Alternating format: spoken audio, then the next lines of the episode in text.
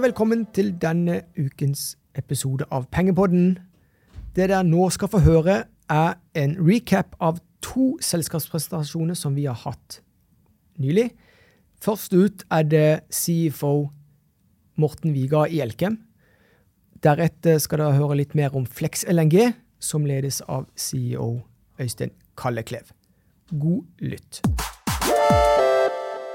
Velkommen til Nordnett. Mitt navn er Roger Berntsen, og i dagens sending skal vi snakke med Morten Viga, som er CFO i Elkem. Vi skal snakke om selskapets prestasjoner, vi skal snakke om, ikke minst om industrien, og så forhåpentligvis lære mer om ja, hvilken utsikt eller eh, eh, som selskapet eh, står overfor. Så er det jo viktig at, eh, altså før, før, vi går videre, så er det viktig å understreke at innholdet i denne sendingen er verken ment som investeringsråd eller noe anbefaling. Altså Vårt mål er utelukkende å lære mer om Elkem som selskap, og selvfølgelig industrien som de opererer innenfor. Elkem er jo òg, kan jeg jo bare si, et uh, relativt populært selskap blant uh, Nordnetts kunder. Vi har vel 8600 av våre kunder har aksje i, i, uh, i, Elkem, og det tror jeg er tett på halvparten av antall aks aksjonærer i, i, i selskapet. Ja, med det sagt så vil jeg ønske deg, Morten, velkommen tilbake til oss. Tusen takk for at du kom. Det er alltid moro å, å snakke om Elkem.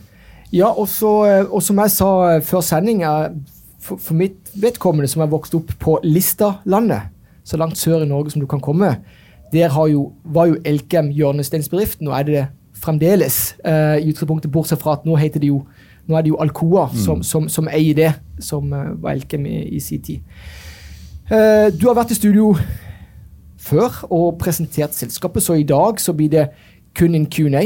Mm -hmm. Og uh, så vil jeg jo bare legge til at jeg har jo fått, så mange, i alle fall i Nordnett-systemet, har fått med seg jeg har fått en ny venn, ny bestevenn, og det er ChatGPT. Så nå har jeg brukt ChatGPT til det fulle for å for å lage best mulig spørsmål til deg i dag. Og så får vi se uh, hva slags svar du gir. Jeg, jeg ba jo òg, for å lage en historie rundt det, Jeg ba jo òg ChatJPT svare som han var Morten Viga. uh, de svarene ble kanskje ikke like presise, vil jeg anta, men uh, derfor er det jo viktig å ha den riktige Morten Viga i studio. Så da tror jeg bare vi hopper i det. Og jeg har lyst å starte med Elkems langsiktige konkurransefortrinn. Eh, du, hva, er det, altså, hva, er det, som skiller Elkem fra konkurrentene i så måte? Ja, det er mange ting. Elkem er jeg er ikke helt nøytral, men Elkem er et utrolig spennende selskap. Eh, det Elkem som kanskje mange kjenner, er jo et tradisjonelt norsk industriselskap. I dag er vi noe helt annet. Vi har fremdeles norsk industri Eh, blant den beste i verden. Men vi har òg eh, avansert kjemiindustri i Frankrike, Kina og over store deler av verden, som er nå et svært selskap med 8000 ansatte og mellom 40 og 50 milliarder i, i omsetning. Eh, hvor stort sett alt det vi selger, går eh, til internasjonale markeder. Jeg mener at vi er veldig godt posisjonert til å kapitalisere på de megatrendene som vi ser i, i, verden nå. Det er selvfølgelig det grønne skiftet, det er digitalisering, det er en global velstandsvekst, det er urbanisering etc. etc. Tre forskjellige forretningsområder. Uh, Silicones uh, var det største. Uh, det er en utrolig et utrolig interessant industri å, å, være i. Avansert kjemi, egentlig en kompetanse som vi ikke har så veldig mye av i Norge. og Derfor er vår virksomhet primært i, i Kina og, og, Frankrike. Vi er en av fem store aktører. Uh, og vi er den eneste aktøren i verden som har en fullt selvstendig verdikjede i, i Asia. Vi har også en fullstendig verdikjede i, i den vestlige verden med norsk silisiumproduksjon Eh, oppstrøms silikonproduksjon i Frankrike og, og nedstrøms både i Sør-Amerika, Nord-Amerika og forskjellige deler av Europa. Silicon Products det er på mange måter um, det opprinnelige Elke. Uh, det er oppstrøms metallproduksjon, ferrosilisium, silisium, støperilegeringer, avanserte produkter. Hvor Norge er best i verden, og Elkem er òg best i verden. Veldig kraftkrevende. Det var derfor vi var i Norge i utgangspunktet. I dag handler det òg veldig mye om unik norsk kompetanse. Og til sist så har vi Carbon Solutions, det minste, men den mest lønnsomme av divisjonene våre. Spesialprodukter til metallurgisk industri. Og Der er vi faktisk desidert størst i verden. Eneste aktøren som har en global forretningsmodell og, og er representert stort sett i alle deler av verden. Det gir konkurransekraft. Mm. Og Felles for alt dette her er at vi òg satser veldig mye på, på, innovasjon, forskning og utvikling, på stadig vekk å, bli bedre. Du, det er klart at Elkems røtter strekker seg jo langt tilbake, og det har jo vært eh, Dere har jo vært jeg, passert mange skjær i sjøen uh, underveis. Så eh, har du noen eksempler på, på, på, strategier som har gjort, eller sikra, at dere har hele tida klart å, å, komme gjennom de turbulente periodene i, i, uh, i industrien? Ja, du har helt rett. Det er definitivt en, en rufsete verden uh, i år og i fjor. Det har selvfølgelig vært covid, det har vært krig, det har vært handelshindringer, det har vært mange andre utfordringer. Og Normalt sett er dette ting som vil treffe et, et internasjonalt selskap som Elkem veld, veldig hardt. På tross av det så er vi utrolig stolte av at vi leverte rekordresultater i, i 2022. jeg tror det er en hel rekke med, med årsaker til det. Uh, for det første har vi satsa veldig mye på å forbedre kostposisjon. Det høres litt kjedelig ut, men, men altså, kost, spesielt i dårlige tider, det var bedre å produsere mer produktivt og mer kostnadseffektivt enn konkurrentene. Det er en utrolig fordel. Fordi at eh, da kan du faktisk, i et dårlig marked, når eh, konkurrentene tar ned kapasitet, for det er ikke lønnsomt, så kan vi kjøre full kapasitet og egentlig styrke vår eh, konkurranseposisjon. Vi skal bli enda bedre på kost neste år. Eh, da ferdigstiller vi to prosjekter i silikons. Et stort i Kina, et i Frankrike. Det kommer til å øke kapasiteten med ca. 40 eh, på globalt nivå. Men det skal gjøre at vi blir langt mer kostnadseffektive innenfor silikons. Og skal da legge grunnlaget til at vi skal forbedre resultatene i, i silikons, som for øyeblikket ikke er på et godt nivå. I Silicon Products og Carbon Solutions der eh, er vi definitivt blant de beste i verden, for ikke å si de beste. Ord på kost, men òg på avanserte produkter. Og det skal vi bygge videre på og bli enda bedre.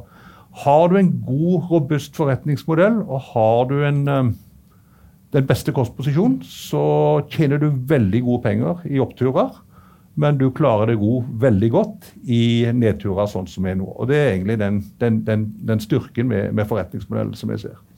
Og så har jeg eh, Vi er nødt til å komme inn på altså eh, betydninga av langsiktige kraftavtaler, og hvordan det påvirker Elkem sin konkurranseevne på, på sikt. Altså Hvordan, hvordan sikrer dere eh, tilgang til, til hva, hva, vi kaller billig, billig strøm?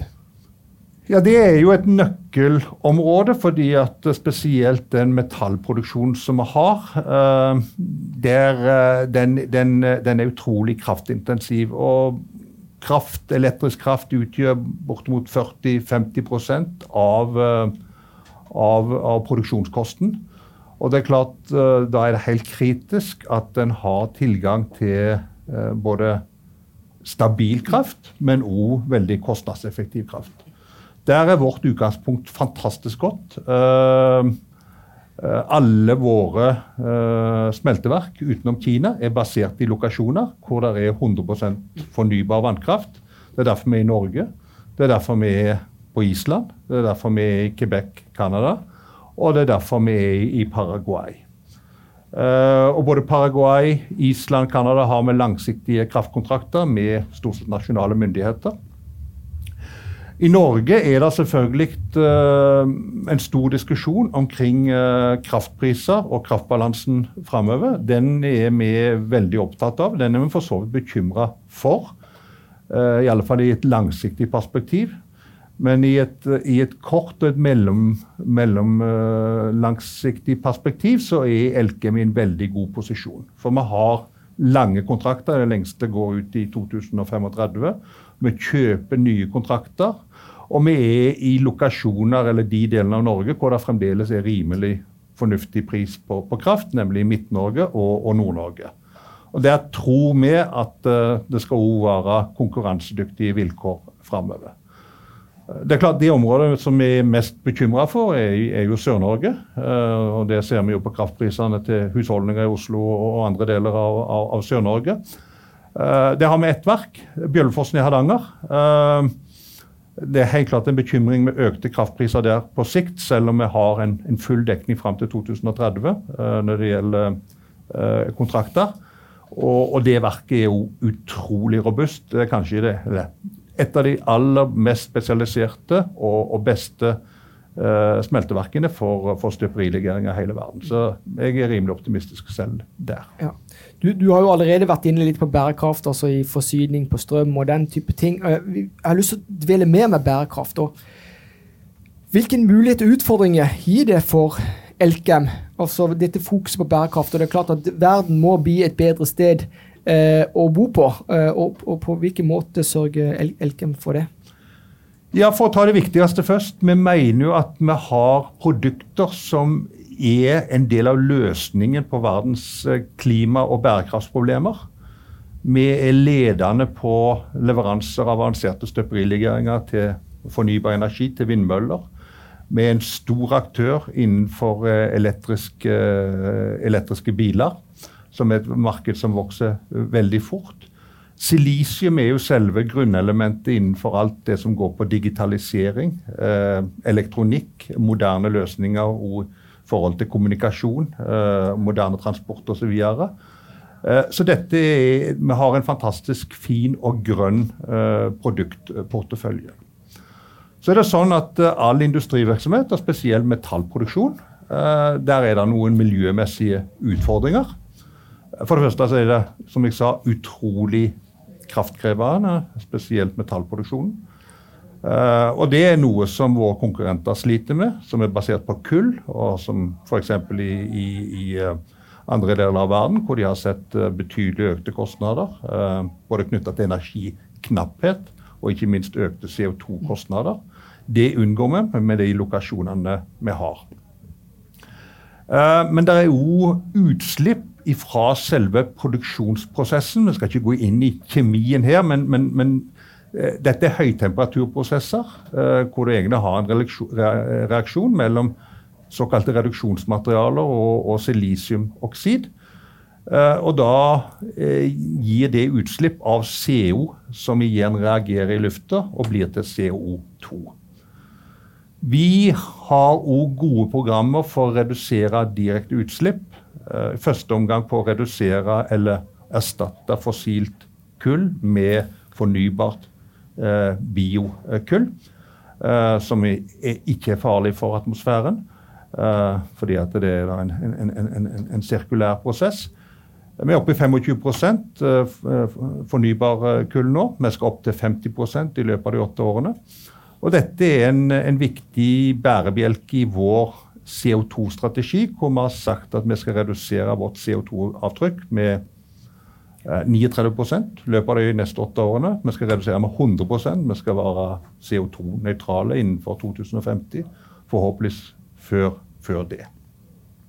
Og det vil igjen gi oss både selvfølgelig eh, konkurransekraft i forhold til miljø, men det vil òg gi oss eh, konkurransekraft eh, finansielt med at vi får lavere CO2-kostnader enn en, en våre konkurrenter.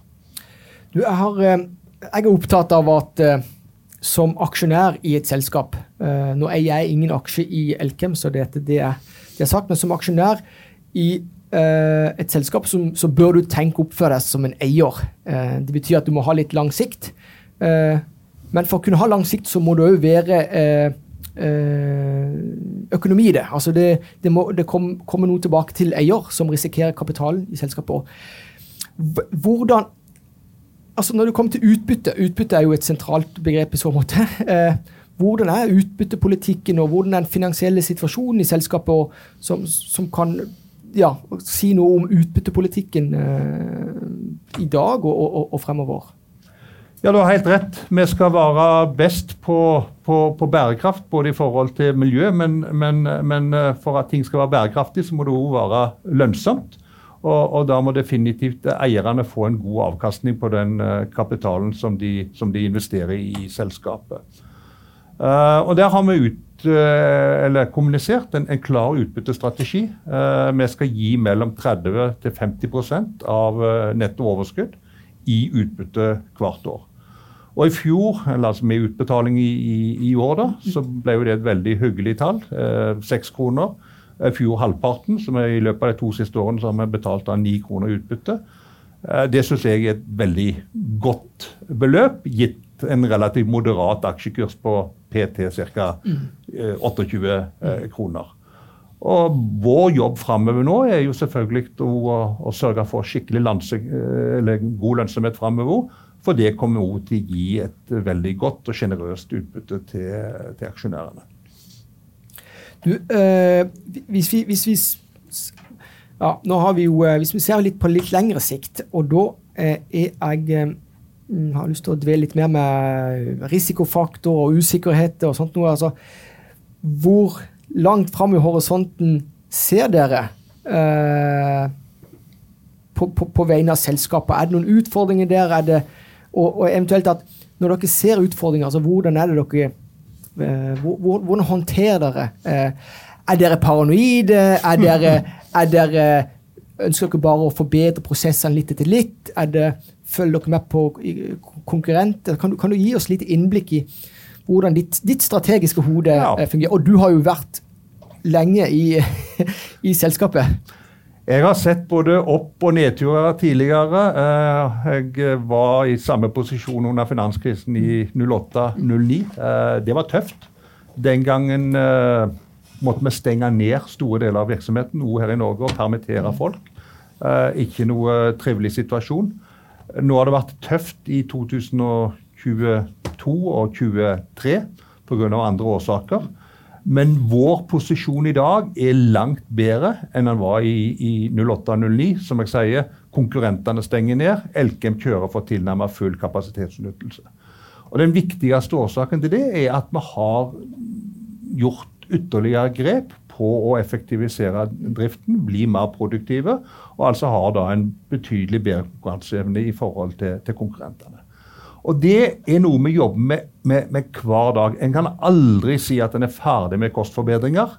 Uh, det er en kontinuerlig forbedring. Vi har uh, noe som vi kaller for Elken Business System, som egentlig er et forretningssystem hvor alle våre 8000 ansatte har som Eh, målsetning nummer én hver dag de går på jobben, det er å ha en sikker arbeidsplass. Men i tillegg så er det å drive kontinuerlig forbedring på kost og produktivitet. Så det er alltid langt opp på prioritetslista. Så det er klart at vi ser utover det, eh, det kortsiktige. Eh, vi har en strategi, som vi sier, hvor vi ønsker å vokse og utvikle oss innenfor de områdene av økonomien som vi tror kommer til å vokse sterkt framover. Og det er typisk da produkter som, som, som, støtter det grønne skiftet. Det er typiske produkter mot elektrifisering av bil, eh, ny, moderne transport, eh, digitalisering etc. etc. Så gjennom å gjøre det, gjennom å være i forkant på det, og òg eh, investere enda mer i forskning og utvikling, så er jeg rimelig sikker på at vi i framtida kommer til å ha en enda bedre produktportefølje som, eh, som uh, er i henhold til det som markedet forventer, og som markedet vil ha en god betalingsevne på. Vet Du hva, du har jo i utgangspunktet vært innom uh, eh, allerede mange av de spørsmålene som jeg har i min avslutning. Men derfor så tenkte jeg at hvis vi skal, hvis vi skal runde av, altså hvis du vil summere opp eh, hva, hva, hva, vil du vektlegge ifra, ifra dagens eh, samtale?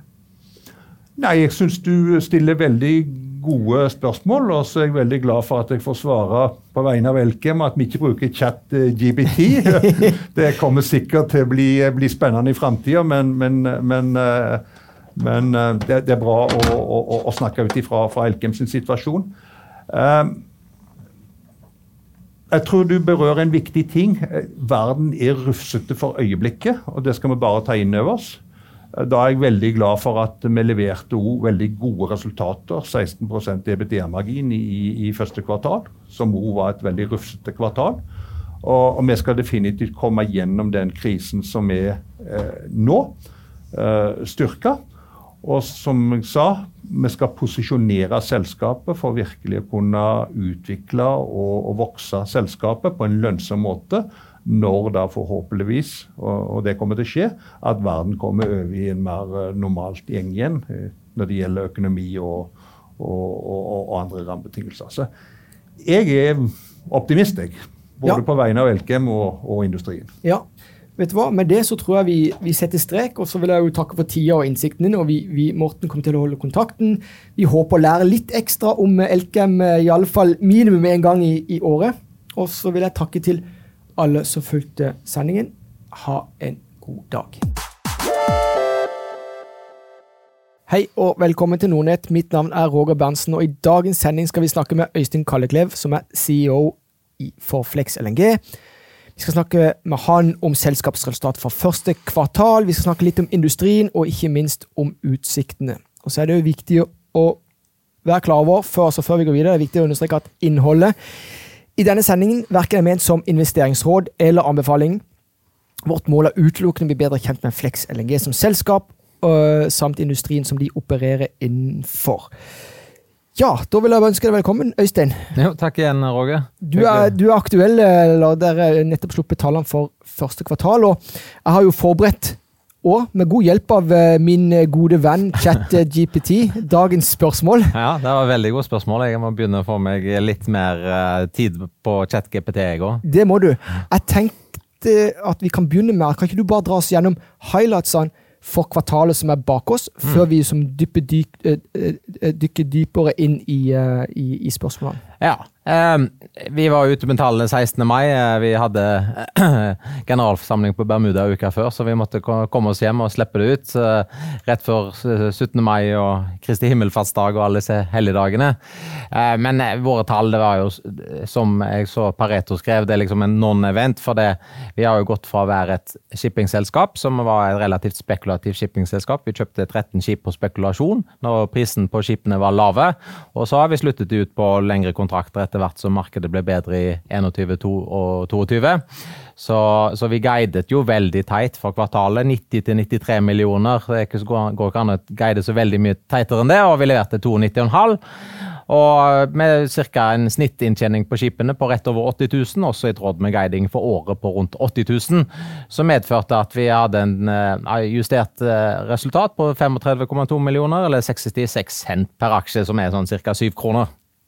Uh, følgelig så betalte vi også da ut et utbytte på, som vi har gjort ordinært utbytte siste tiden, på 75 cents per uh, aksje.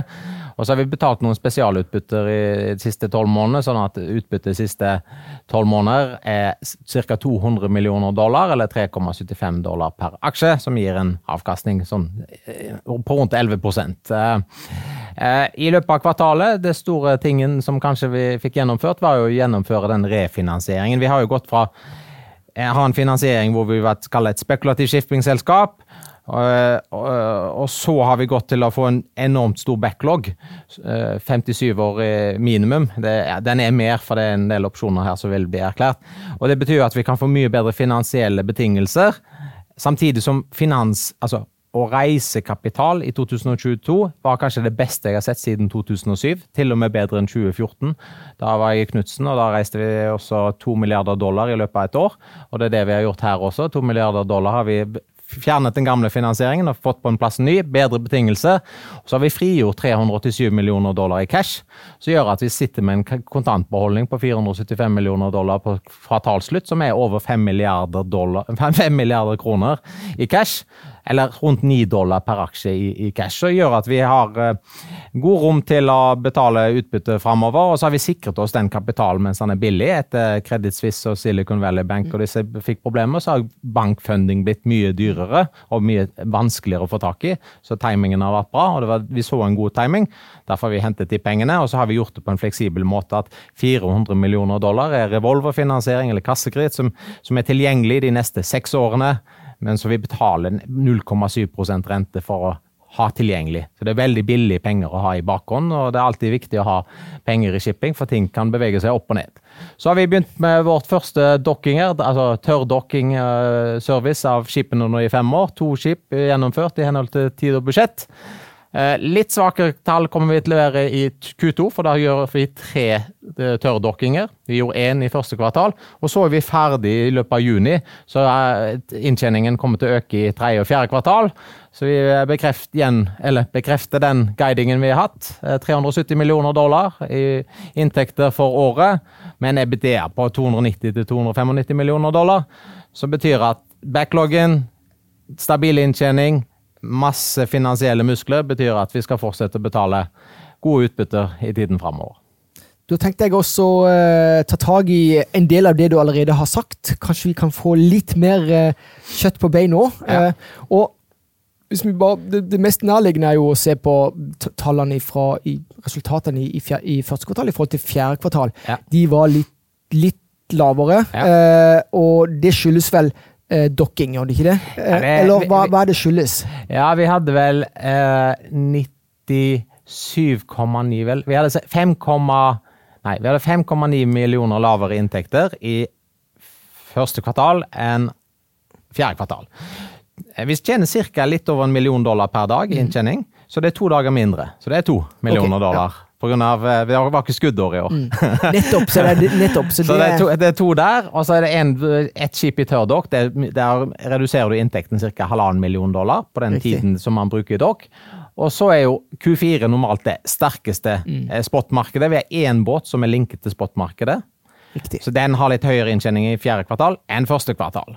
Og det er forklaringen til at, at inntjeningen, eller inntektene, er ca. 5,9 millioner lavere i Q1 versus Q2, og, nei, versus Q4. Og så er Q2 det er normalt det svakeste spotmarkedet. Mm. Og så begynner det å gå opp fra Q3, og så er Q4 igjen det sterkeste. Mm. Nettopp. Så det er litt uh, sammensatt. Uh ja, Det er tre faktorer, og ca. to millioner vel, hver faktor. Det er dager, dokking og spotmarked. Ja.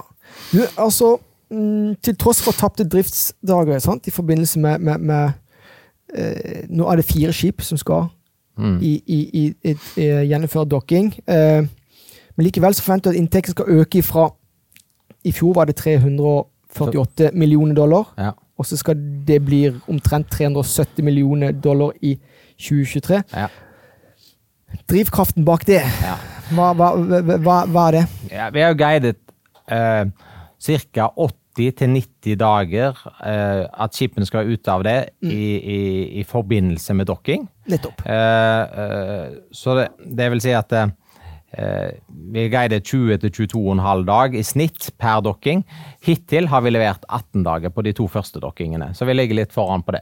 Men, eh, men grunnen til at inntektene øker til tross for at vi har kanskje sånn 80-90 dager mindre tilgjengelig, det blir nok mer 80 enn 90, det er rett og slett at inntjeningen, snittinntjeningen øker fra 73 000 ca. i fjor til 80 i år. Mm. Så det er økt inntekt til tross for færre dager tilgjengelig eh, for frakt, så er det allikevel den økte inntjeningen per dag eh, gjør at inntektene skal opp med ja, 20, 20 millioner pluss. Ja. Du, og, du var inne på dette med, med det vi kaller for kontraktuell backlog på røftlig 57 år. Du sa kanskje at det er litt høyere, det, den opsjonen inn, inn, Ja, hvis du ser på vår flåte Vi har en del opsjonalitet her i forhold til en del skip. Det, når jeg sier 57, så er det minimum. Mm. For det befrakterne har opsjon til å forlenge noen av skipene her. Og vi forventer ganske mange av de opsjonene blir erklært, med tanke på hva nybyggingsprisen er i dag. Så 57 er et minimum. Jeg tror nok realistisk sett så er det en del høyere. Ja, og, og da spørsmålet Hvordan sikrer dette selskapets framtidige inntekt og stabilitet? Spesielt gitt usikkerheten i global økonomi i dag. Hvor, hvor, viktig, hvor viktig, er den eh, backloggen? Ja, altså det, Vi har jo sikret mye av backloggen av er ulike grunner. En ting er selvsagt etter hvert så har ratene blitt såpass mm. attraktive, men, men, en annen sak er jo at det, veksten i L, nye LNG-volumer mm. som kom ut i markedet i ja, både 22, 23, 24 ganske lav. Og det betyr at selvsagt når markedet har en liten periode, dvaleperiode i forhold til vekst, mm. hvor veksten er liksom sånn 4% 5 mm. Eh, så betyr det at kanskje du er litt utsatt for uh, endring i handelsmønster, som har vært nå. Mm. At uh, LNG-en for USA har gått inn til Europa istedenfor Kina, som betyr jo kortere seilingsdistanse. Så vi har, vi, har, vi har dekt en del kontraktsreserve i de årene hvor vi føler det har vært eh, litt risiko for, eh, for mindre volumvekst. Og så kommer båtene våre stort sett åpne. De første fulle åpne båtene våre er jo 27 og utover. Og det er på samme tidspunkt hvor det kommer enormt mye ny LNG-volum ut i markedet fra ja, Qatar, USA etc. Du, de fleste båtene er jo ja, alle uten med er jo på lange kontrakter. Men spotmarkedet svinger jo. Mm. Eh, hvordan, hvordan tilpasser dere strategien i forhold til spotmarked? Er det noe dere kan gjøre på kort sikt, eller ikke? Noe, kan dere være optimister med å tolke spotmarkedet ifra, ifra eh, ja, tid annen? Hmm. Nei, Vi har én båt som er linket til spotmarkedet. Den er jo allikevel en lengre kontrakt. Den båten mm. går tidligst av i august 25, og så har de opsjoner til å ha den båten til 2030. Eh, så der er inntjeninga. Går opp og ned med spot-inntektene, men som sagt, dette er 8% av vår flåte. da, 1 av 13 skip. Eh, spotmarkedet har jo blitt litt rart den siste året. Spesielt etter Russlands invasjon av Ukraina. Det som har skjedd, er jo at vi hadde en periode hvor LNG-prisen gikk av skaftet. Og da var det egentlig viktigere for mye befraktere å sikre seg båt Riktig. enn uh, fordi det var så enormt mye du kunne tjene på lastene. At, uh, at rett og slett spotmarkedet som var ganske velfungerende 18-19-20 deler 21. Det sluttet egentlig å fungere fordi alle de rederne som hadde skip, de skipene ble sluttet på lengre kontrakter, og det var veldig få uavhengige redere igjen i spotmarkedet, og spotmarkedet har egentlig blitt et slags eh, rilettmarked, det var, skal man kan si det på norsk, gjenlånsmarked. Det vil si at hvis Kjell har en båt som de ikke har en last på de neste tre månedene, så kanskje videreutleier de det skipet mm. i, i spotmarkedet, så er det noen andre som tar det. Så det er egentlig befrakterne som bytter båter mellom seg istedenfor å være et normalfungerende spotmarked. Så akkurat eh, nå er jo stort sett de fleste rederne opptatt av periodemarkedet, hvor man slutter båter fra ett år til ja, I dag ser man også til og med folk slutte ti år og lengre. Mm. Mm. Når alt kommer til alt, så handler jo om uh, shipping handler jo om utbytte. Uh, og ja, Det er ikke alle som vet det. Det finnes masse amerikanske shippingselskaper som ikke har lært denne leksen. Det er når de tjener masse penger, så istedenfor å betale utbytte, så investerer de masse istedenfor. Nettopp, og det er jo det som typisk har kvelt uh, gode markeder, er det ikke det? Mm, ja. Eh, men ja, og, og, nå drar du meg litt utenfor manus her, men, men har, har, det vært har du som har vært i denne businessen lenge, uh, og ikke minst jobber under John Fredriksen, som jeg vet ikke, Er det noen gjenlevende som har holdt på lenger i shippingbransjen enn han. Men, Nei, men, men har, har, har, har, dette endret seg? Tror du dette har endret seg over tid? Jeg tror nok investorene har blitt mer sofistikerte. Mm. Uh, sagt, men det er samtidig færre investorer i shipping i dag enn det var tidligere. Før så var liksom Wall Street kjøpte shippingaksjer. Men hvis du drar til USA I Norge så har du et relativt sofistikert mm. investormarked. Gjerne family offices. Mm.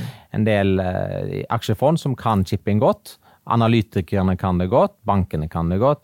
Kommer du til USA i dag, så er det mye færre folk som har shipping på radaren. Om En grunn til det er at mange har brent seg tidligere uh, på shipping. er at uh, Enten at selskapene har investert på feil tidspunkt, typisk når de tjener penger Eh, eller dårlig corporate governance i mange av selskapene, hvor kanskje ledelsen har tappet selskapet gjennom FI-strukturer etc. Som gjør at uh, de som skal Hvis du skal liksom få amerikanske investorer inn og investere i dag, så må du vise en credible story på at mm. du faktisk skal returnere den kapitalen når du har en superprofitt.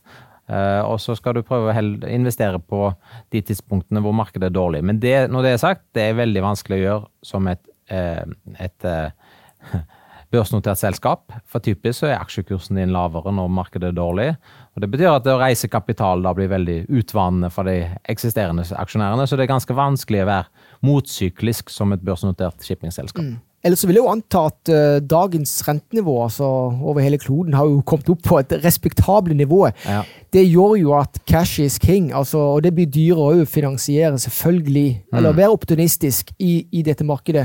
Uh, hvor, hvor, lenge tror du ja, Er det noe som uh, har tatt dere på senga? At, at rentemarkedet og alt det Dette er vel med på å bygge opp kan det være med på å bygge opp om de som er virkelig store i, i, eh, i shipping? Eller, eller eh, tar jeg feil? I forhold til rentenivå, eh, tatt oss på senga, det vil jeg ikke si. For vi har jo vært foran kurven, og uh, vi var vel ute allerede februar 2021 i vår Q4-rapport og advarte mot økt inflasjon og rente på det. Så vi har jo vært sikret veldig mye renter. Så hvis du ser resultatet vårt for 2022, så vil du se en stor post som er gevinst på derivater, altså rentebytteavtaler hvor vi har sikret renten. Så har, av, av, den gjelden vi har, da, så er det ca. 1,9 milliarder dollar.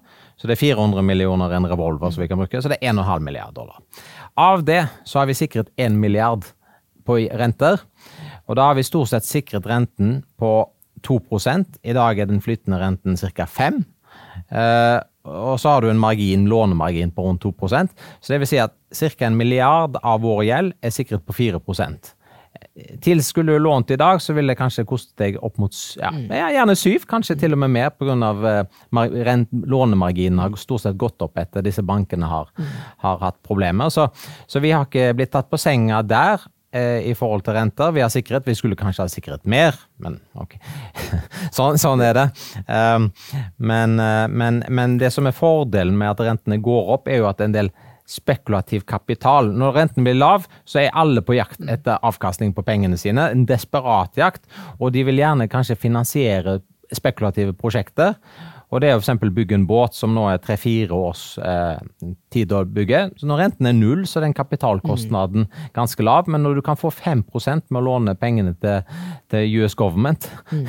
da er det jo kanskje ikke Skal jeg orke å eh, prøve å få 8 for dette her? Så det er sånn, sånn sett så er høye renter betyr at du, folk blir mer selektive på investeringer.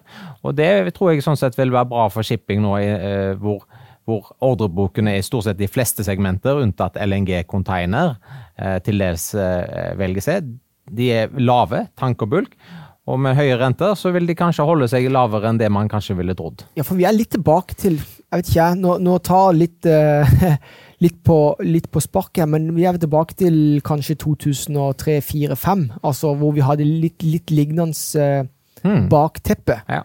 Eh, men, men da ble, gikk jo ordreboka på bulk vel til 60-70% sant? Nettopp. det, mm. Men det er jo ok, da hadde vi jo uh, caset med Kina, WTO, ja. uh, enorm vekst, vekst der.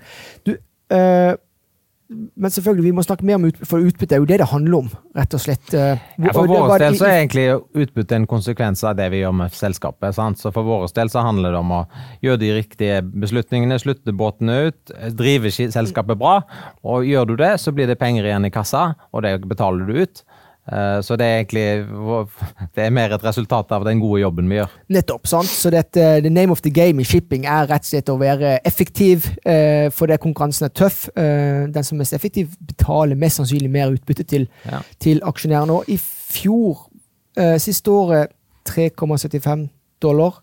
Hvordan, hvordan forventer du, er det guide, Har dere guida noe på utbytte framover? Vil det være stabilt? Skal det øke, eller, eller eh, reduksjon? I, i Nei, jeg tror ikke reduksjon. Nei, altså, altså, vi, eh, det, det, som vi har sagt, er at vi, vi er du, Det er jo selvsagt, du skal jo ikke Utbytte er noe styret beslutter hvert mm. kvartal, mm. så vi skal liksom det jeg ser noen selskaper gjør feil, er at de nesten garanterer et utbytte. Ingen selskap kan garantere et utbytte. Men det vi har sagt, er at vi ønsker å ha et stabilt utbytte på 75 cents per kvartal. Ja. Så blir 3 dollar per år. Og så vil vi fra tid til annen se på om vi kan legge på noe ekstra. Men, men, men det 75 cents utbyttet vi har betalt per kvartal, det har vært stabilt i, lengre tid nå. Ja. Og det har jo, signaliserer vi jo at, at Eh, skal opprettholdes, og, det kan jo vi forsvare med den ordreboka vi har. Nettopp. Eller kontraktsbackloggen vi har, og, eh, og den cashbeholdningen vi har. Og så får vi se om vi, om vi betaler noe mer eh, enn det, men, men det, det, vil vi liksom ta en kvartalsmessig vurdering på. Og så er vi litt opptatt av hva får du i avkastning de siste tolv månedene. Nå har vi betalt ut spesialutbytte forrige kvartal. Vi betalte også ut et spesialutbytte i, i Q2 i fjor, så det er litt sånn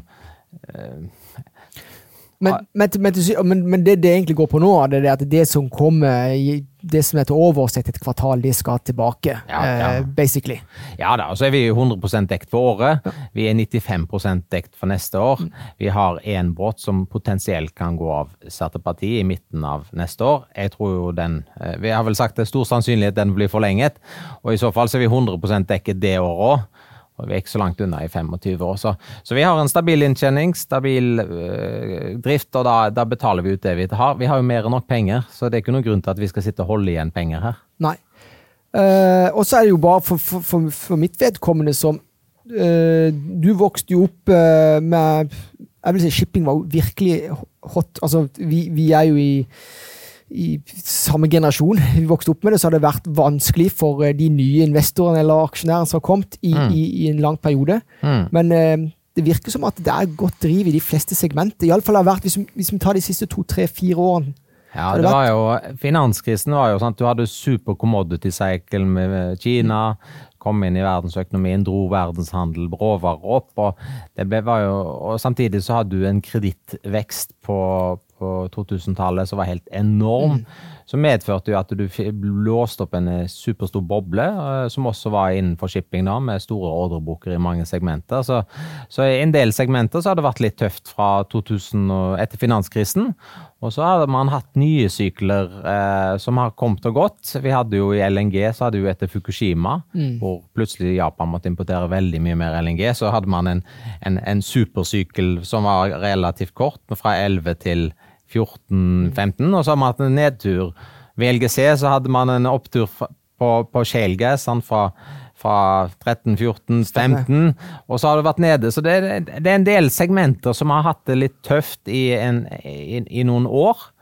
Men nå er jo stort sett alle segmenter tilbake. Container er jo litt ned, men, men det har hatt en fantastisk sykkel. Så, så det betyr jo at eh, stort sett de fleste folk du treffer i shipping i dag, er stort, stort sett ganske fornøyd. Ja, for Det interessante er også, er jo, hvis du så i 2014, det var vel da OPEC, eller Saudi-Arabia, de oversvømte markedet med olje. Ja, Det var da det ble eh, kampen mellom shale og, Ja. og shakes. Og, sp og spørsmålet er om den kampen egentlig er over nå. Altså for det, nå, nå kutter jo eh, OPEC, Saudi-Arabia, de kutter Ja. jo produksjon. Ja. Eh, det, det vet jo ikke vi hva, hva enden på visa der, men det virker som at iallfall Shale eller amerikansk, amerikanske produsenter har, er litt i førersetet. Og, og hvordan påvirker det? Har det noen innvirkning? Ja, altså det må jo drilles mye mer gass i USA, og gass og olje på sikt, selvsagt, for det skal jo bygges mye eksportkapasitet. Eh, utfordringen siste tiden har jo vært en ekstremt volatil oljepris. Eh, at, og samtidig så har en del av disse eh, oljeselskapene ESG på agendaen når man holder tilbake investeringer. Naturgassprisen, Henry Hubda i USA, har vært veldig lav. Mm. oljeprisen er jo for så vidt på et ok-ish nivå. De fleste tjener penger på denne oljeprisen her. Absolutt, og med den dollaren som Men det er, det er en mangel på investeringsvilje, rett og slett. Eh, Og det har også litt med politiske signaler, med dekarbonisering. Skal man Biden har jo, han går jo fra liksom å si her må dere slutte å drille, til nå må dere drille, og vi straffer dere med ekstraskatt hvis ikke dere investerer mer. Ja. Så det, det, det, det er ikke lett å drive oljeselskap i dag. Nei, du må jo være god til å stå i spagaten. Ja. Men, men iallfall når du kommer til LNG, Mm. det er jo altså i denne her energy transition, så, så er vel dere litt uh, Dette er jo en, det er jo en renere energikilde. Ja. Det er jo primært, spesielt da i forhold til lokalforurensning. Mm. CO2 er ca. dobbelt så bra som kull, men, men på lokalforurensning så er det jo 90-100 bedre enn kull. Mm. Eh, men så er det jo selvsagt på sikt så må man jo eh, bli kvitt karbon nå.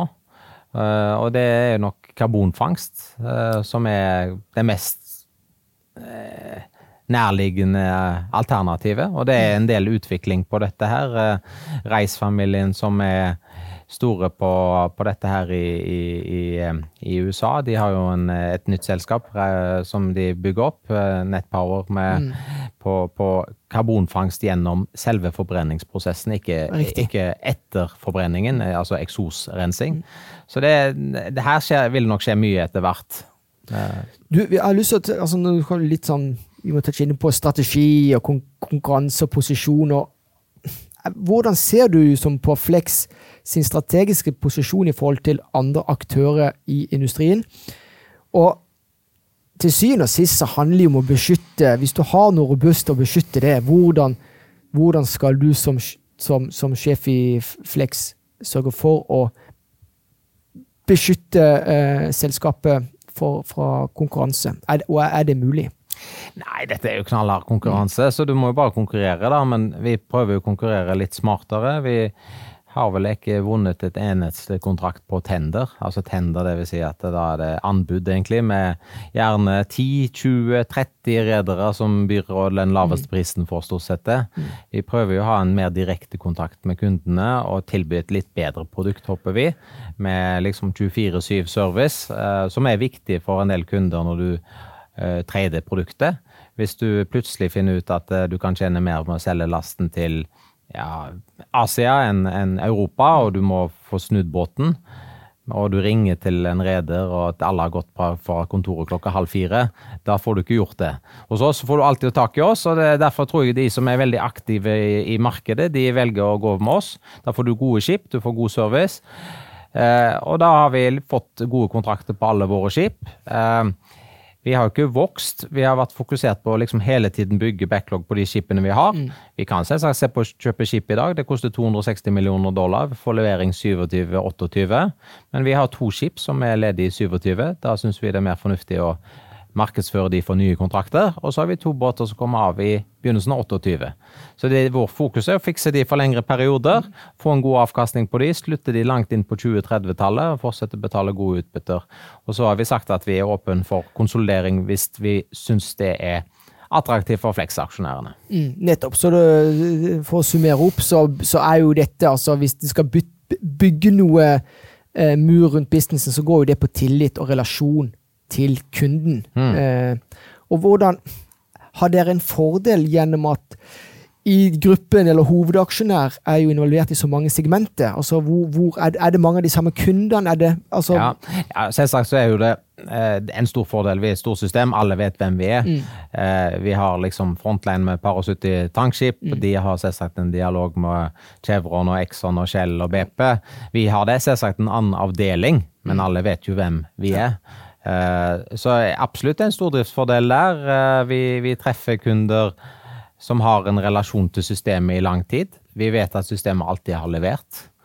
Eh, så, så der tror jeg vi har en fordel. Vi har også en fordel der i forhold til bank, mm. banker. Banker er mer selektive i dag. De vet vi er et system som er står for det vi sier, leverer på det vi sier, og ærlig ærlige og redelige. Og det gjør at vi kan tiltrekke oss kapital på bedre betingelser enn stort sett de fleste jeg tenkte vi må, vi må dvele med litt eh, altså Regulatoriske landskapet har jo endra seg i, for alle bransjer, ikke minst shippingbransjen.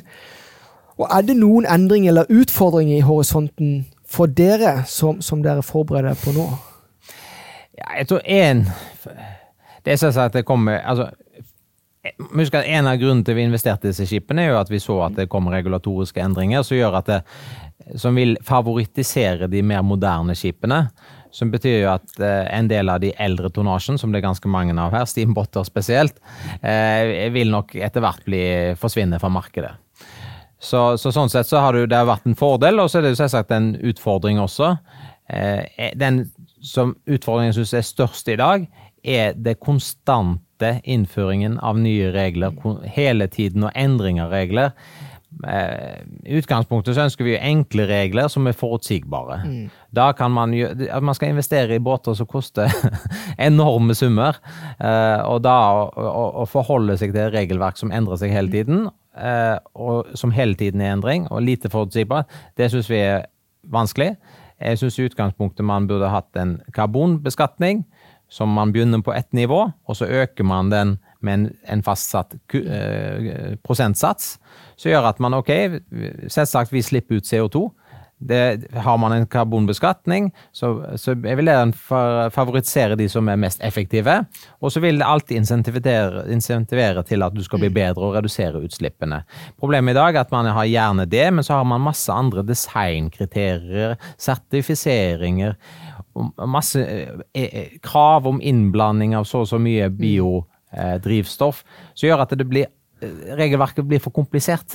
Og det, det, selvsagt, det favoritiserer de som er større, mm. men det blir veldig vanskelig for nye å komme til å lage rederier med tanke på hvor komplisert dette regelverket er. Og jeg tror det har en fordel at regelverket er enkelt òg. Mm. Er det vanskelig, så er det mye, mye vanskeligere å forholde seg til, og det gjør også at det er vanskeligere å investere. Og hvis du skal få en renere flåte, så må du investere i nye båter. Det betyr eh, at eh, vi, vi, går jo riktig retning til syvende og sist, men det betyr at har ikke nødvendigvis, aktørene har ikke så, nødvendigvis så stor innflytelse på eh, de, den retninga. eller de spesifikke tiltakene. skulle du ønske det? Ja, altså Nå er det jo sånn EU som sitter og altså EU har jo en sånn I utgangspunktet så hadde EU en begrensning på at de kunne, kun kan det skattlegge sine medlemmer med 1% av bruttonasjonalprodukt. Eh, og dette har jo EU vært imot hele tiden, og så nå klarte de under covid å få endret litt på dette, så de kan skattlegge medlemslandene enda mer.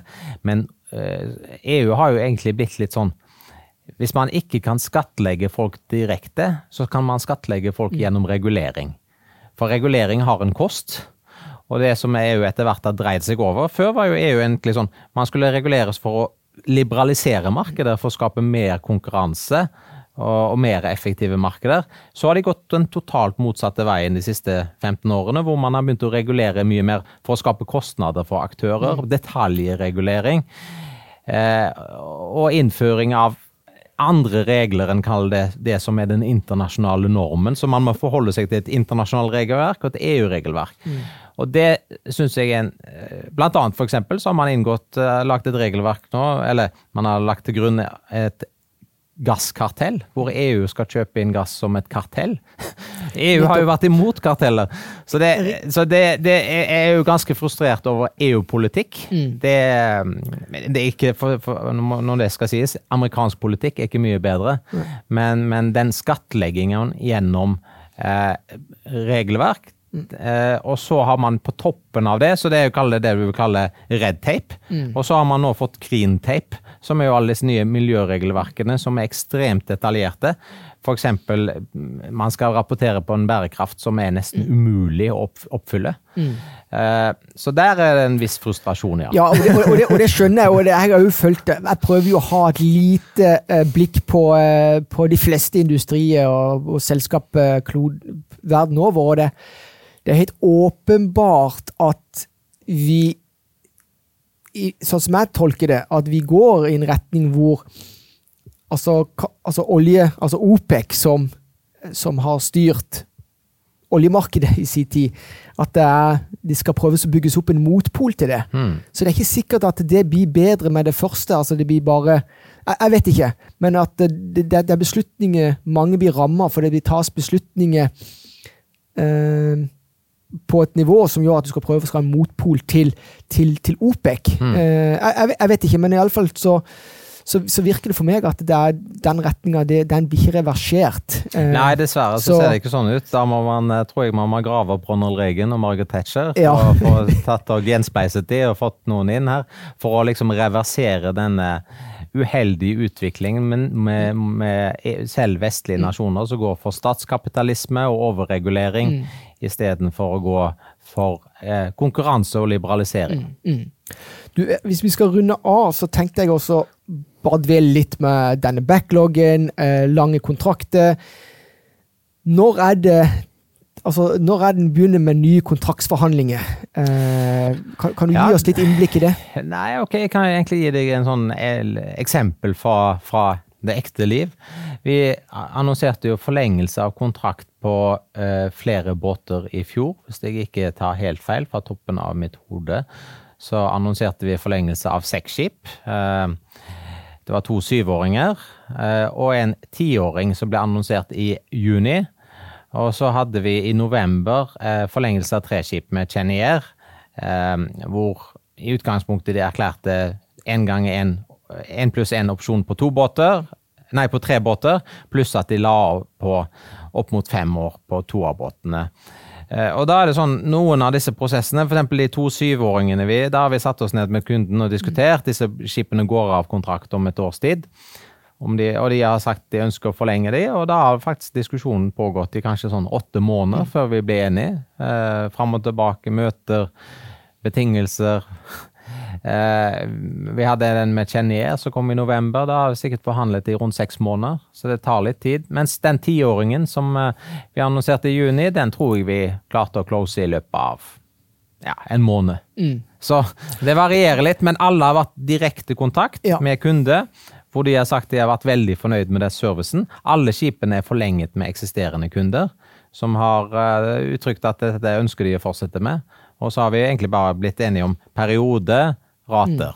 Store. Men uansett, det er, det er mye sparring Mm. underveis. eh, men, men kunderelasjonen, de er stort sett Ja, det er veldig ja, veldig annerledes av Avansk S, som er det rederiet jeg også driver sammen med, med, med mine kollegaer. og det, Der er det jo en mer meglerdrevet. Altså, så stort sett lastene blir sendt ut i meglerapparatet. Meglerne formidler dialogen om å slutte en båt. Men da er jo gjerne perioden er en reise, om, og- om, om det er Midtøsten til Japan eller USA til Så det, da snakker vi om kanskje reiser på 30-80 dager.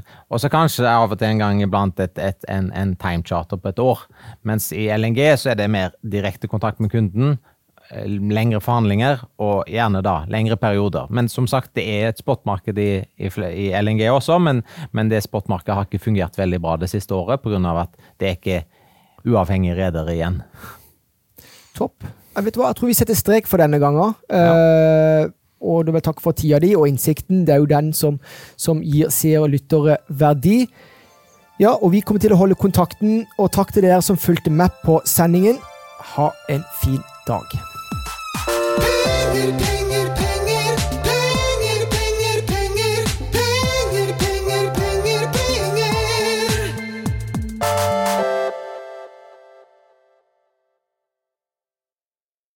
Denne podkasten skal anses som markedsføringsmateriell, og innholdet må ikke oppfattes som en investeringsanbefaling. Podkasten er kun ment til inspirasjon og informasjonsformål. Nornett tar ikke ansvar for eventuelle tap som måtte oppstå ved bruk av informasjonen i denne podkasten. Les mer på disclaimer-siden på nornett.no.